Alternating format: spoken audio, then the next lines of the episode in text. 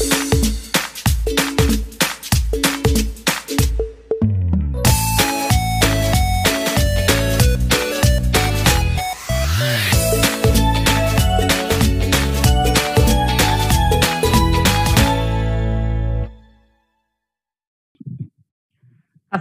warahmatullahi wabarakatuh.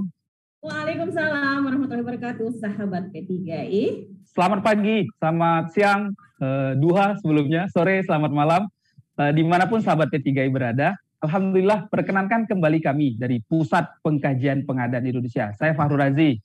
Dan saya Ayu Rosmida.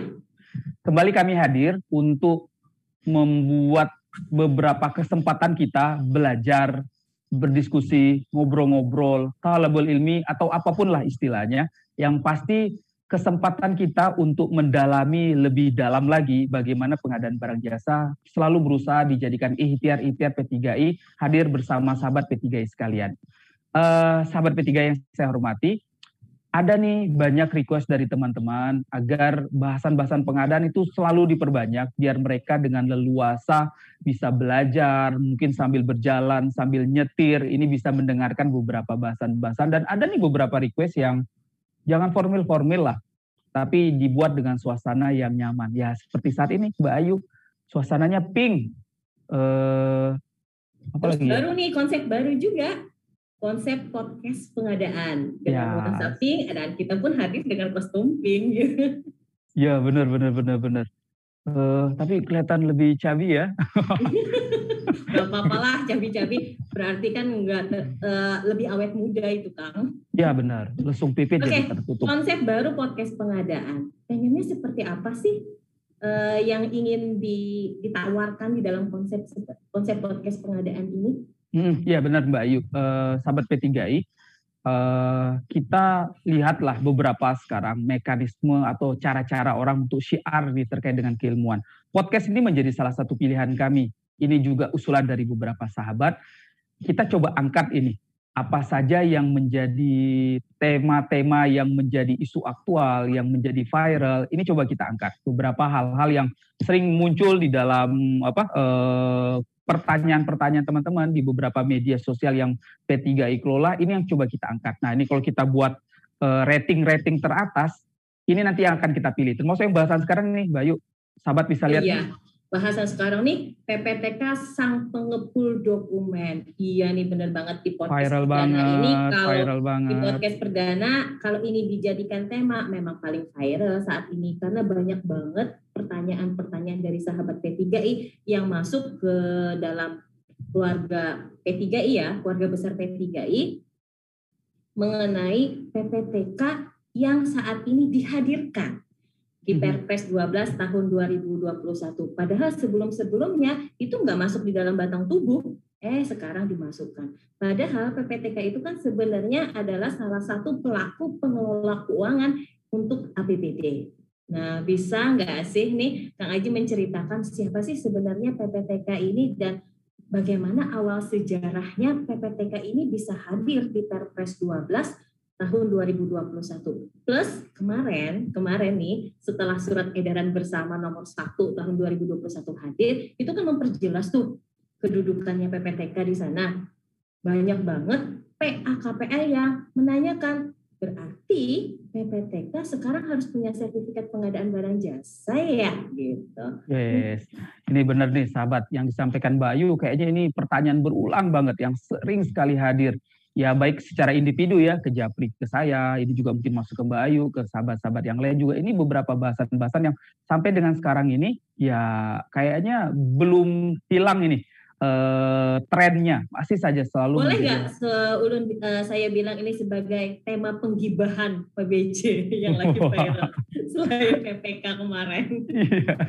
Iya ya, benar ya. Kemarin sempat PPK rasanya sudah mulai clear nih PPK sekarang yang agak menarik PPTK uh, sahabat P3I yang saya hormati, uh, kita memang dihadapkan dengan dinamisnya aturan pengadaan. Perubahan-perubahan kerap kali terjadi dan kita tentu anggap ini sebagai suatu proses yang terus mengantarkan perbaikan semakin lebih baik lagi, semakin lebih baik lagi. Saya termasuk orang yang punya uh, pemikiran uh, optimis ya uh, perkembangan peraturan sekarang mengantarkan pengadaan insya Allah akan jauh lebih baik lagi. Termasuk nih dengan dinamika hadirnya PPTK di pengelolaan pengadaan barang jasa sebagai bagian dari pihak yang hadir di dalam pelaksanaan pengadaan barang jasa. Tadi betul banget yang disampaikan oleh Mbak Ayu, kalau kita cermati secara kesejarahan ya, kalau kita lihat secara kesejarahan, PPTK ini memang udah dari lama lah kita kenal. Paling tidak kalau kita lihat dari beberapa dekade yang terakhir ya, eh, hadirnya PP 58 tahun 2005 dulu itu memunculkan sosok PPTK yang kemudian ditindaklanjuti dengan hadirnya Permendagri 13 tahun 2006 memunculkan PPTK dan di situ kita bisa dapat gambaran PPTK adalah bagian dari pengelolaan keuangan daerah. PPTK ini adalah bagian uh, pihak yang dihadirkan untuk mendukung tertib administrasinya kegiatan dan keuangan. PPTK hadir untuk mendukung tugas dan kewenangannya PA, pengguna anggaran atau kuasa pengguna anggaran, sehingga proses pelaksanaan program dan kegiatan itu bisa berjalan dengan tertib, eh, pencatatan-pencatatannya dan dokumentasinya baik. Nah, itu kan kesejarahan awalnya. Jadi muncul identik dengan eh, program, kegiatan, dan keuangan. Tapi seiring dengan waktu, kita temukan nih hadirnya peraturan pemerintah nomor 12 tahun 2019 ini PPTK kembali muncul dengan pola juga yang sebenarnya lebih kurang sama. Cuman ada pendekatan optimalisasi di sini. PPTK muncul dengan nuansa yang tetap menjadi pihak yang hadir di program kegiatan dan keuangan, tapi juga PPTK ini ada penekanan lebih dalam lagi, yaitu hadir di penyelenggaraan pengadaan barang jasa. Ini perlu dipahami bahwasanya pengadaan barang jasa ini adalah bagian juga dari pengelolaan keuangan daerah. PPTK hadir di proses dalam pelaksanaan kegiatan dan subkegiatan yang tentu di dalamnya identik banget ada pengadaan barang jasa. Sehingga di aturan yang sekarang ini PPTK bukan hanya sekedar cerita tentang administrasi kegiatan dan keuangan, tapi PPTK juga hadir bagaimana kegiatan dan keuangan tadi di dalamnya ada pengadaan barang jasa dan muncullah tugas kewenangan PPTK untuk melaksanakan kegiatan pengadaan barang jasa yang kemudian secara operasional kita bisa lihat di dalam Permendagri 77 PPTK tugasnya menyiapkan dokumen pengadaan barang jasa. Makanya tak berlebihan nih Mbak Ayu kita munculkan eh, kalimat PPTK sang pengepul, sang pengepul dokumen. Sang gitu. pengepul dokumen.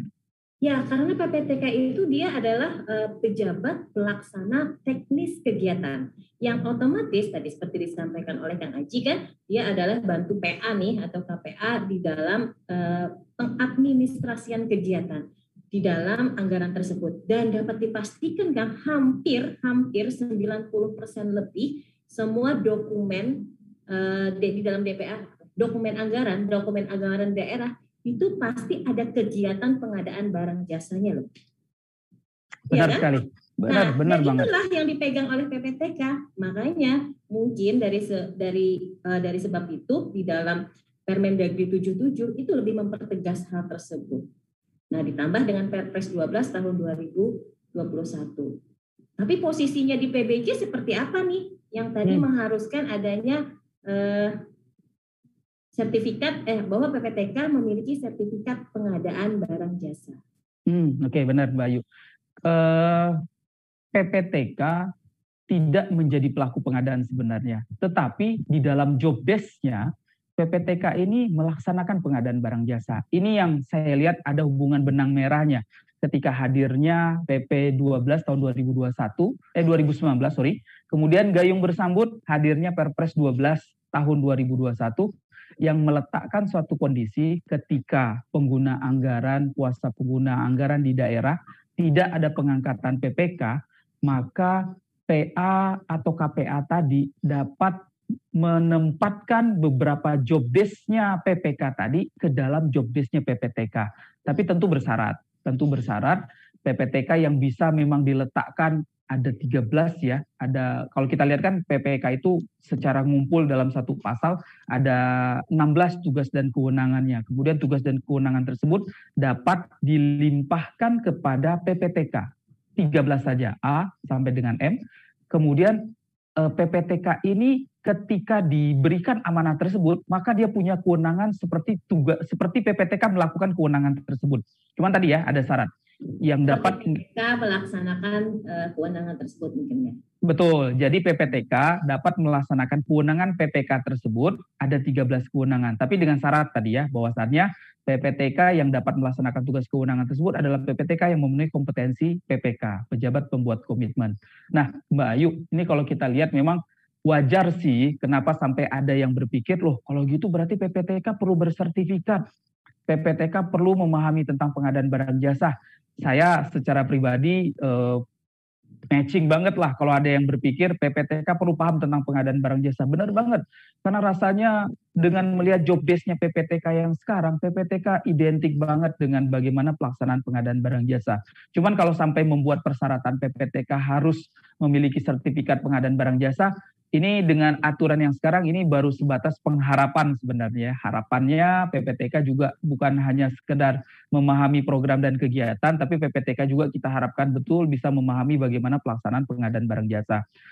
Kita mengapresiasi uh, beberapa daerah-daerah yang sudah mulai membuat kebijakan pejabat struktural, harus memiliki sertifikat pengadaan barang jasa. Ada yang bertahap, eselon 4 di daerah tersebut harus memiliki sertifikat pengadaan barang jasa. Ada yang sudah mulai meningkat lagi sampai kepada eselon 3. Ini tentu ikhtiar-ikhtiar terbaik ini. Kebayang betapa naifnya mungkin Tapi ya. Penyederhanaan birokrasi banyak eselon 4 yang bakal dihapuskan loh. Oh iya. Tapi itu juga masih relevan kok dengan ya. hilangnya. Tapi PPTK, PPTK tidak melekat di eselon 4-nya kan sebetulnya. Ya, kalau kita lihat PPTK ini dia uh, adalah pejabat struktural satu tingkat di bawah PA atau satu tingkat di bawah KPA. Kalau tidak ada KPA berarti satu tingkat di bawah PA, tapi ketika ada KPA maka PPTK adalah satu tingkat pejabat struktural satu tingkat di bawah uh, eh, KPA. Ada yang bertanya gimana kalau yang tidak struktural? Ya boleh juga, cuman ada ketentuan yang diatur dalam PP-nya bahwasanya ketika memang tidak ada pejabat struktural maka memungkinkan pejabat fungsional yang untuk menjalankan tugas diangkat sebagai PPTK, tapi perlu ada kriteria terlebih dahulu yang ditetapkan ya. oleh kepala daerah. Oke, siap. Berarti uh, eh, PPTK ini tadi sudah dijelaskan sama Kang Aji bahwa dia adalah membantu dari PA KPA. Betul. Dalam PBJ hadir hadirnya dia ditugaskan ketika PPK tidak ada. Betul sekali. Nah, uh, tapi ketika PPK ini hadir, maka PPTK itu tugasnya jadinya ngapain? Nah, ketika ad, ketika ini kan pengangkatan PPTK untuk melaksanakan tugas pengadaan barang jasa itu ketika memang PAKPA tidak mengangkat PPK. Ya. Maka si PPTK tadi melaksanakan tugasnya PPK. Bukan si PPTK tadi menjadi PPK karena memang tadi cerita awalnya kan ketika tidak ada pengangkatan Oke, PPK. Berarti PPTK-nya bukan PPK ya clear di sampai sini, berarti pendelegasian perikatan itu tidak bakal dikasihkan kepada PPTK. Betul sekali. Ya. Tiga dari 16. Ini untuk dikelirkan nih, masalahnya Betul. nanti PPTK tiba-tiba tanda tangan kontrak, hmm. lucu banget dari 16 kewenangan PPK plus tugas yang dapat dilimpahkan dari PAKPA, tugas membuat perikatan tidak dilimpahkan. Tugas-tugas yang berhubungan dengan nanti ada mulainya pelaksanaan kontrak seperti menerbitkan SPPBJ itu tidak diberikan kepada PPTK. Tapi nanti PPTK itu tetap ketika dia memenuhi kompetensi PPK tadi ya, dan dia di dalam surat tugasnya diberikan amanah untuk melaksanakan tugasnya PPK, beberapa tugas-tugas strategis beliau akan laksanakan, seperti contoh menetapkan spesifikasi teknis, menetapkan HPS, maka sang PPTK tadi akan memiliki kewenangan tersebut. Tambah lagi nanti ya beberapa proses-proses dokumen ini menarik, administrasi. Ini menarik, ini menarik banget. Karena salah satu tugasnya dari PPK itu adalah menyusun perencanaan. Hmm. Nah, Kemudian PPK-nya kan tidak ada. Selama ini kan PA-KPA yang merangkap sebagai PPK. Sehingga di dalam sirup akun mereka juga yang untuk uh, mengidentifikasi gitu kan mengidentifikasi tiap paket. Nah, dengan hadirnya PPTK di sini berarti bisa nggak ya atau memang ini nanti yang akan seharusnya yang harusnya dilakukan adalah PPTK lah yang memiliki akun PPK di sirup di sistem rencana umum pengadaan. Ya, dengan diterbitkan nah, atau kita cerita gini dulu. Nanti Bapak Ibu yang bertugas sebagai pengguna anggaran ini bersiap-siap ini.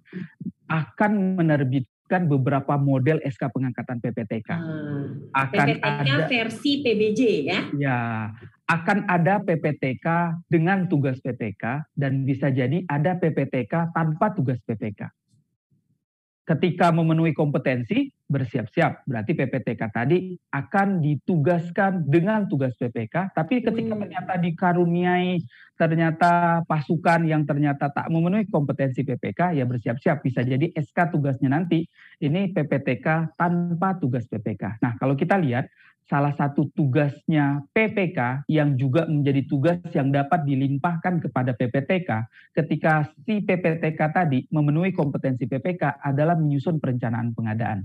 Berarti bersiap-siap nih PPTK tadi dia akan terlibat secara operasional bagaimana perencanaan pengadaan tahun rencana disusun dan nanti menjadi bahan baku untuk dibuatkan ke dalam dokumen RKA, RKA perangkat daerah. Nah, berarti kalau kita lihat di sini kehadiran PPTK idealnya memang dia juga akan dengan cakupan kewenangan melakukan proses penyusunan perencanaan pengadaan. Kalau kita lihat nanti uh, mudah-mudahan nanti akan berkembang lebih ideal lagi ya bagaimana sistem di kita sirup segala macam bagaimana meletakkan akun nanti dan siapa nanti akhirnya PPTK ketika ternyata ada suatu kondisi PPTK ini harus melaksanakan tugas PPK. Tapi dengan kondisi sekarang kita bisa lihat ketika di dalam SK pengangkatan PPTK dan sang PPTK tersebut mendapatkan kewenangan untuk menyusun perencanaan pengadaan, maka PPTK tadi menjadi punya kewenangan untuk melakukan tindakan-tindakan termasuk di dalamnya menyusun perencanaan pengadaan yang selanjutnya nanti akan ditetapkan oleh PA atau KPA. Oke, clear berarti ya. Hmm.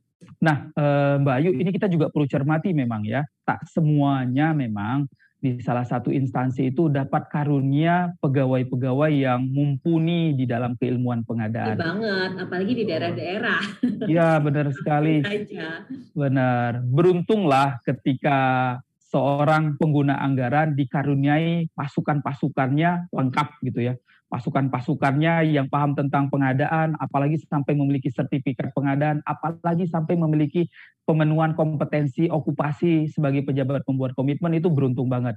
Tapi ketika yang memang belum memiliki, ya berarti bisa jadi tadi ya penugasannya agak terbatas tak sampai dapat menugaskan yang harus melaksanakan tugas PPK, tapi tetap posisi untuk menyiapkan dokumen pengadaan sebagaimana yang diamanatkan. Kalau kita lihat kan bahasanya ya, bahasa di dalam Permendagri 77-nya kan lebih kurang PPTK ini punya tugas kewenangan untuk menyiapkan dokumen pengadaan barang jasa sesuai dengan peraturan perundang-undangan. Berarti ada pembatasan di sini. PPTK menyiapkan tentu kalimat menyiapkan ini bagaimana titah sang raja, bagaimana titah sang pengguna anggaran, uh, seperti apa, mengumpulkan dokumen seperti apa, dokumentasinya seperti apa, bagaimana nanti cara menjelaskan kepada pengguna anggaran, kepada kuasa pengguna anggaran, sehingga nanti. Berarti pengguna anggaran di sini perannya tetap paling yang utama ya? Tetap, itu tak bisa dihindari penguasa Berarti alam. Walaupun walaupun ada kuasa pengguna anggaran, ada PPK, ada PPTK, sang pengguna anggaran, sang penguasa alam tetap sebagai sang raja. Benar. PPTK itu kan pendekatan tugasnya kan sebenarnya mandat ya. Sehingga kalau pendekatannya mandat, tetap yang punya kewenangan, tetap yang punya tanggung jawab dan tanggung gugat ya tetap kembali kepada PA atau KPA tadi. Makanya PA KPA walaupun diberikan anugerah pasukan-pasukan yang akan membantu di dalam menyiapkan dokumen pengadaan, di antaranya PPTK ini jangan lupa. Jangan hanya sekedar main taken saja. PPTK sekali lagi eh, konsepnya mandat. Sehingga yang dilakukan oleh PPTK ini tetap yang akan bertanggung jawab adalah pengguna anggaran, kuasa pengguna anggaran. Sehingga pengguna anggaran kalau saja ternyata memang mengamanatkan kepada PPTK-nya untuk melaksanakan beberapa tugas-tugas ke PPK-an dalam pengadaan barang jasa, mainkan SOP dengan tertib. Ketika umpama nyuruh nih, PPTK nanti saya mau tetapkan HPS, tolong PPTK kumpulkan informasi yang benar sesuai dengan data pasar.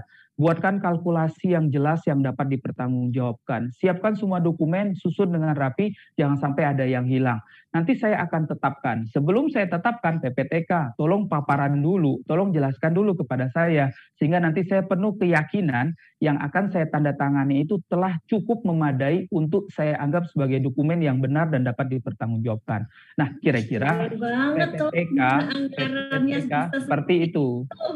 Iya Mbak, pengennya para pengguna anggaran kita seperti itu ya. Tidak Iya, main teken aja, tapi ada ikhtiar-ikhtiar menggali, mencari tahu dulu. Bisa nih tema berikutnya nanti kita tentang Oh, PA boleh. dan KPA ideal Boleh ya. Mbak, catat ya nanti kita. Oh, boleh tuh temanya bagus, PA KPA ideal. Wah, keren. PA KPA ideal.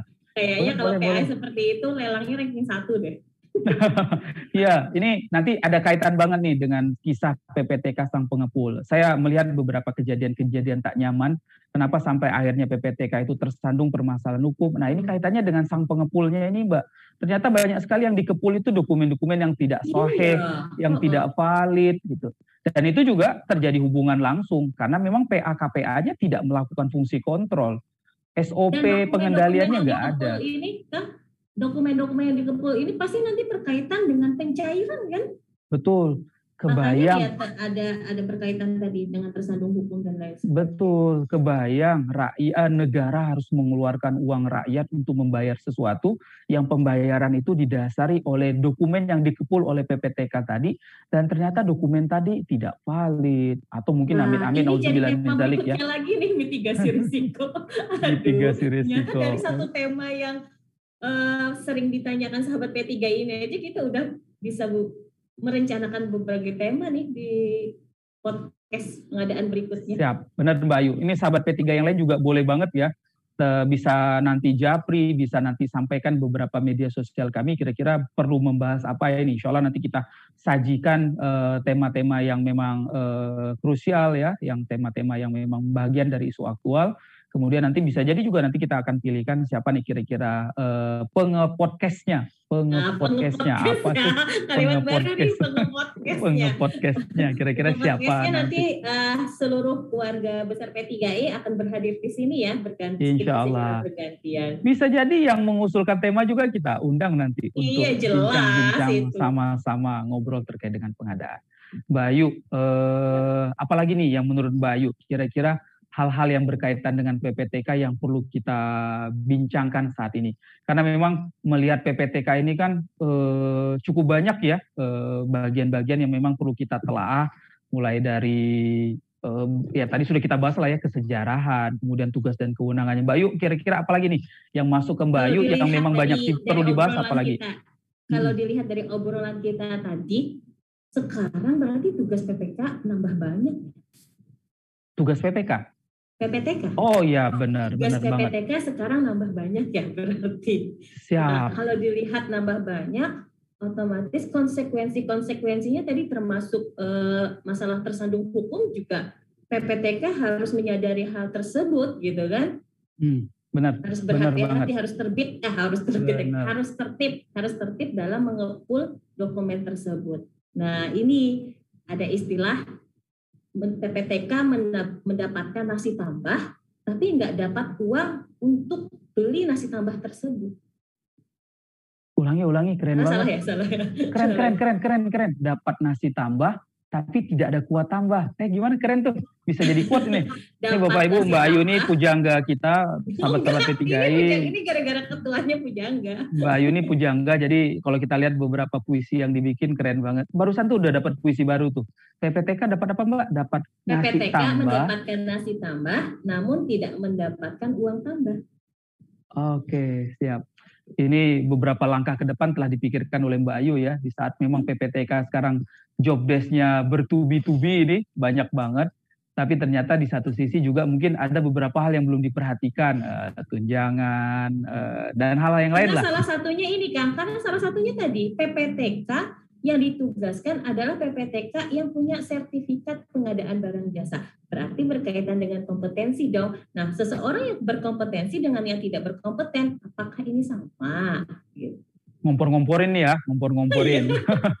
ya, bagusnya memang akan ada jenjang nilai yang berbeda ya, akan ada jenjang nilai yang berbeda. Bedakan antara PPTK dengan tugas PPK karena dia memiliki kompetensi PPK, memiliki sertifikat keahlian pengadaan barang jasa dengan PPTK yang tak memiliki. Nah, ini balik lagi nanti karena kalau kita lihat ini menjadi kebijakannya kepala daerah masing-masing. Tapi melalui podcast ini juga nih Mbak Ayu dan saya eh, berusaha ikut ngomporin juga mudah-mudahan pihak Iya. yang berwenang untuk menerbitkan apalah namanya ya, entah eh, standar honor atau apa atas standar kinerja tunjangan Atau kinerja atau TPP, apa? TPP ya Hmm. silakan untuk memberikan perlakuan-perlakuan yang berbeda ketika seseorang melakukan kontribusi kontribusi yang lebih dibandingkan dengan pihak yang lain. Dan termasuk dalam hal ini PPTK yang kompeten dengan PPTK yang biasa-biasa saja idealnya dibedakan. Saya sepakat tadi yang Mbak Ayu sampaikan sahabat P3I bahwasanya memang PPTK sekarang masya Allah tugas dan kewenangannya nambah kalau kita lihat sekilas kembali ke sejarahan yang awalnya itu PPTK itu hanya sekedar membantu administrasi kegiatan dan keuangan ya, mengendalikan kegiatan, melaporkan kegiatan, kemudian menyiapkan terkait dengan dokumen kebutuhan atas beban anggaran. Kalau sekarang kan kalau kita lihat nih di dalam PP 12 2019 di Permendagri 77 PPTK hadir di dalam pengadaan barang jasa. PPTK menjadi pihak yang dihadirkan untuk menyiapkan dokumen pengadaan barang jasa.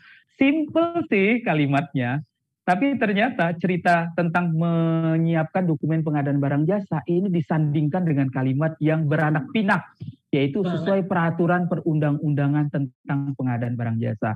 Sahabat P3 tahu sendiri kan, Terus gimana pengadaan tersebut, barang jasa. uh, dokumennya pengadaan barang, ah dokumen keuangan sendiri udah banyak, ditambah dengan dokumen pengadaan barang jasa banyak. Dan semuanya itu harus apa? Harus dapat dipertanggungjawabkan. Nah, Ya, benar banget. Kalau kita inventarisir cepat ya Mbak, salah satu tugas PP, PPK yang dapat dilimpahkan kepada PPTK adalah menyusun perencanaan pengadaan. Uh, kebayang tuh risalah-risalah rapat, dokumentasi pembahasan, eh, dokumen-dokumen identifikasi itu harus harus ditata dengan baik.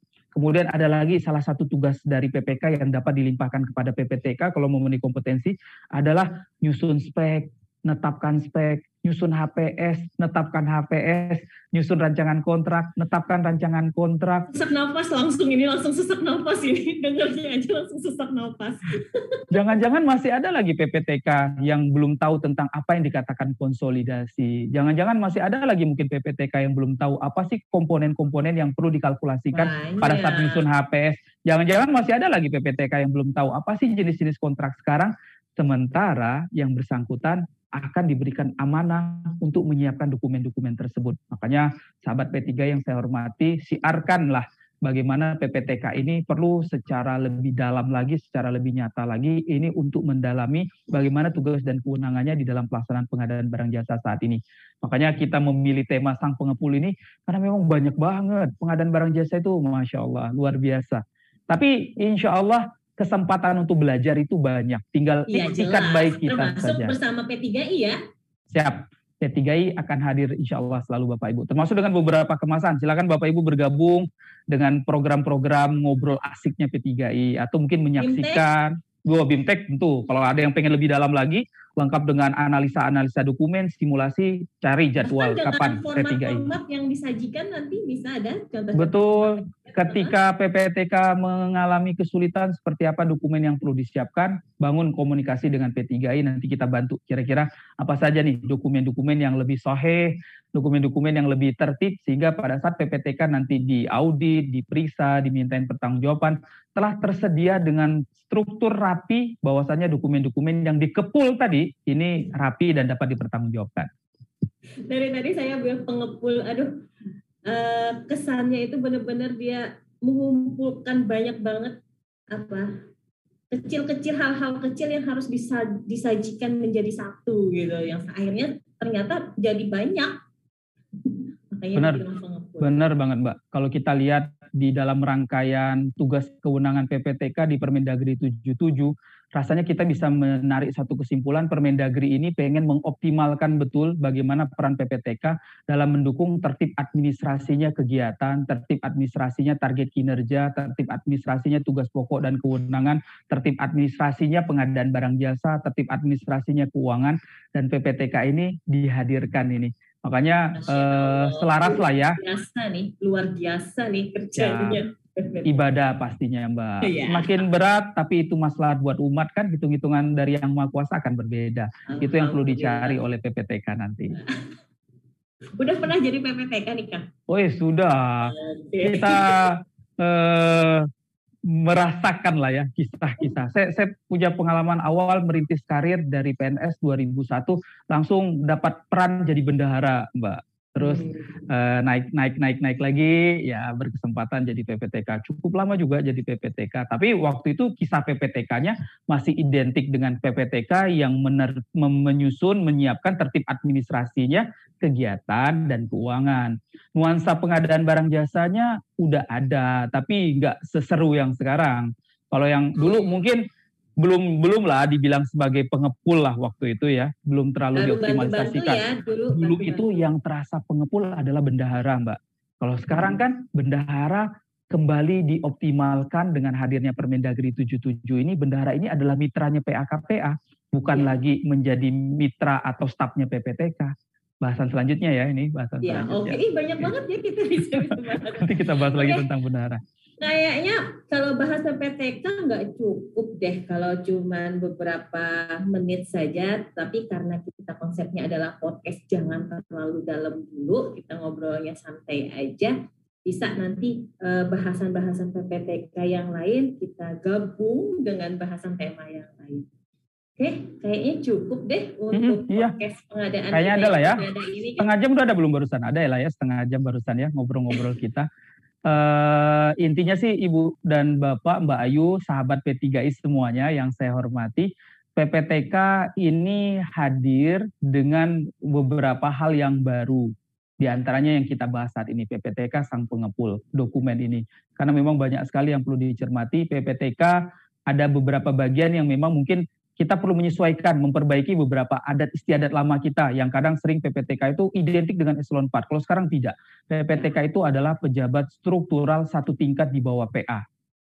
Kalau ada KPA, maka PPTK adalah pejabat struktural satu tingkat di bawah KPA yang dikasih tugas untuk berhubungan dengan pelaksanaan kegiatan atau sub kegiatan. Sehingga di dalam pelaksanaan kegiatan tadi kita pahami ada keuangan, ada pengadaan barang jasa. PPTK ini yang punya amanah untuk menyiapkannya termasuk di dalamnya bagaimana dokumen-dokumen pertanggungjawaban dapat tertata dengan baik. Hindari dokumen-dokumen yang fiktif, hindari dokumen-dokumen yang rekayasa, hindari dokumen-dokumen dengan skema tanggal mundur, backdate atau apa pun namanya, sehingga nah, pada tanggal mundur, backdate dan lain sebagainya. Nah, ini berkaitan lagi bisa menggunakan inovasi dengan aplikasi ya sekarang dengan elektronik. Ah, kalau saja pengen elektronik kalau ya. seandainya sekarang pengen lebih tertib lagi, mudah-mudahan tugas sang pengepul ini akan kebantu dengan elektronik nih, Mbak. Mbak Ayu bikin isu baru lagi nih. Bagaimana mudahnya tugas PPTK dengan hadirnya transaksi-transaksi secara elektronik ya. Apalagi sekarang ya. kan ada apa ada SPBE ya bagaimana ya. pelaksanaan uh, pelaksanaan sistem pemerintah ber, berbasis elektronik. elektronik, dokumen-dokumen digital. Nah, ini kalau mau udah bisa diimplementasikan, rasanya akan cukup signifikan ini membantu Termasuk PPTK. belanja secara elektronik loh kan sekarang. Tuh, apalagi kalau belanja-belanja toko daring, belanja-belanja secara eh, katalog elektroniknya bisa dioptimalkan, ini insya Allah akan membantu sekali tugas PPTK. Jadi PPTK Uh, perlu juga ini mendalami lebih lanjut lagi nih seperti yang Mbak Ayu sudah sampaikan bagaimana dokumen digital, bagaimana transaksi secara elektronik. Karena kalau umpama itu bisa diimplementasikan secara optimal, insya Allah nih kayaknya signifikan ini membantu beban tugas sang PPTK ketika menjadi sang pengepul dokumen. Uh, Mbak Ayu sudah mau 30 menit ya, lebih ya 30 menit uh, podcast Kayaknya kita hari ya, ini. ya oke lah kita selesaikan saja untuk tema okay. yang saat ini di podcast Siap. perdana Ya, uh, benar. Kita lanjutkan di tema uh, di podcast ya pengadaan yang lain dengan tema-tema yang nggak kalah viral nih Kak nanti. Siap. Ini benar sekali sahabat P3I ini podcast perdana uh, kita pilih PPTK sang pengepul ini karena memang berdasarkan rating ini tema yang paling banyak dibincangkan, makanya kami angkat di podcast yang pertama. Uh, insya Allah nanti uh, istiqomah ini akan ada tema-tema yang lainnya, tapi paling tidak untuk sekarang kami perlu sampaikan juga ke sahabat P3 sekalian, podcast ini mengiringi beberapa podcast yang lain yang juga ini sehubungan dengan 1 Juni 2021 ini kami di P3I masuk miladnya ini yang ke-9 milad kami yang ke-9 ini, ulang tahun P3I kami yang eh, P3I yang ke-9 ini 1 Juni 2021 ini akan mengantarkan kepada persiapan kami untuk menghadap untuk bertemu dengan eh, satu dekadenya P3I. Jadi eh, 1 Juni 2021 ini milad kami yang ke-9 memasuki satu dekade P3I di 1 Juni 2022 nanti. Barakallah buat P3I berarti ya yang di tanggal 1 Juni ini tadi milad ke-9 menuju satu dekade bersama P3I di tahun 2022. Ih, keren banget. Berarti ya. nanti banget uh, banyak sekali program-program kegiatan dari P3I yang akan disajikan secara bermacam-macam, secara bermacam-macam satu tahun ke depan. Benar. Ini sehat. Insya Allah, insya Allah. Mohon doa dan ya arahan-arahan juga dari sahabat P3I semua. Mudah-mudahan banyak bisa kita produksikan produk-produk yang bermanfaat untuk mewujudkan pengadaan barang jasa jauh lebih baik lagi sebagaimana yang diamanatkan di peraturan yang sekarang sudah diterbitkan. Amin ya rabbal Amin. Amin ya Baik, uh, terima kasih Mbak Ayu untuk sesi kita hari ini. Bahasan sudah dibahas, kemudian Mbak Ayu dan saya sudah menyajikan beberapa hal-hal yang memang sering sekali dibincangkan terkait dengan materi kita pada hari ini. Cukup sahabat sekalian, mudah-mudahan ada manfaatnya. Mohon dimaafkan hal-hal yang dirasakan kurang berkenan. Mudah-mudahan akan ada perbaikan-perbaikan lebih lanjut sesuai dengan kebutuhan kita, bagaimana kita mencermati ketentuan-ketentuan terkait dengan pengadaan barang jasa. Terima kasih, saya Fahru Razi. Saya Ayu Raswida. Sampai ketemu lagi di podcast pengadaan selanjutnya. Wabillahi taufik wal hidayah. Wassalamualaikum warahmatullahi wabarakatuh.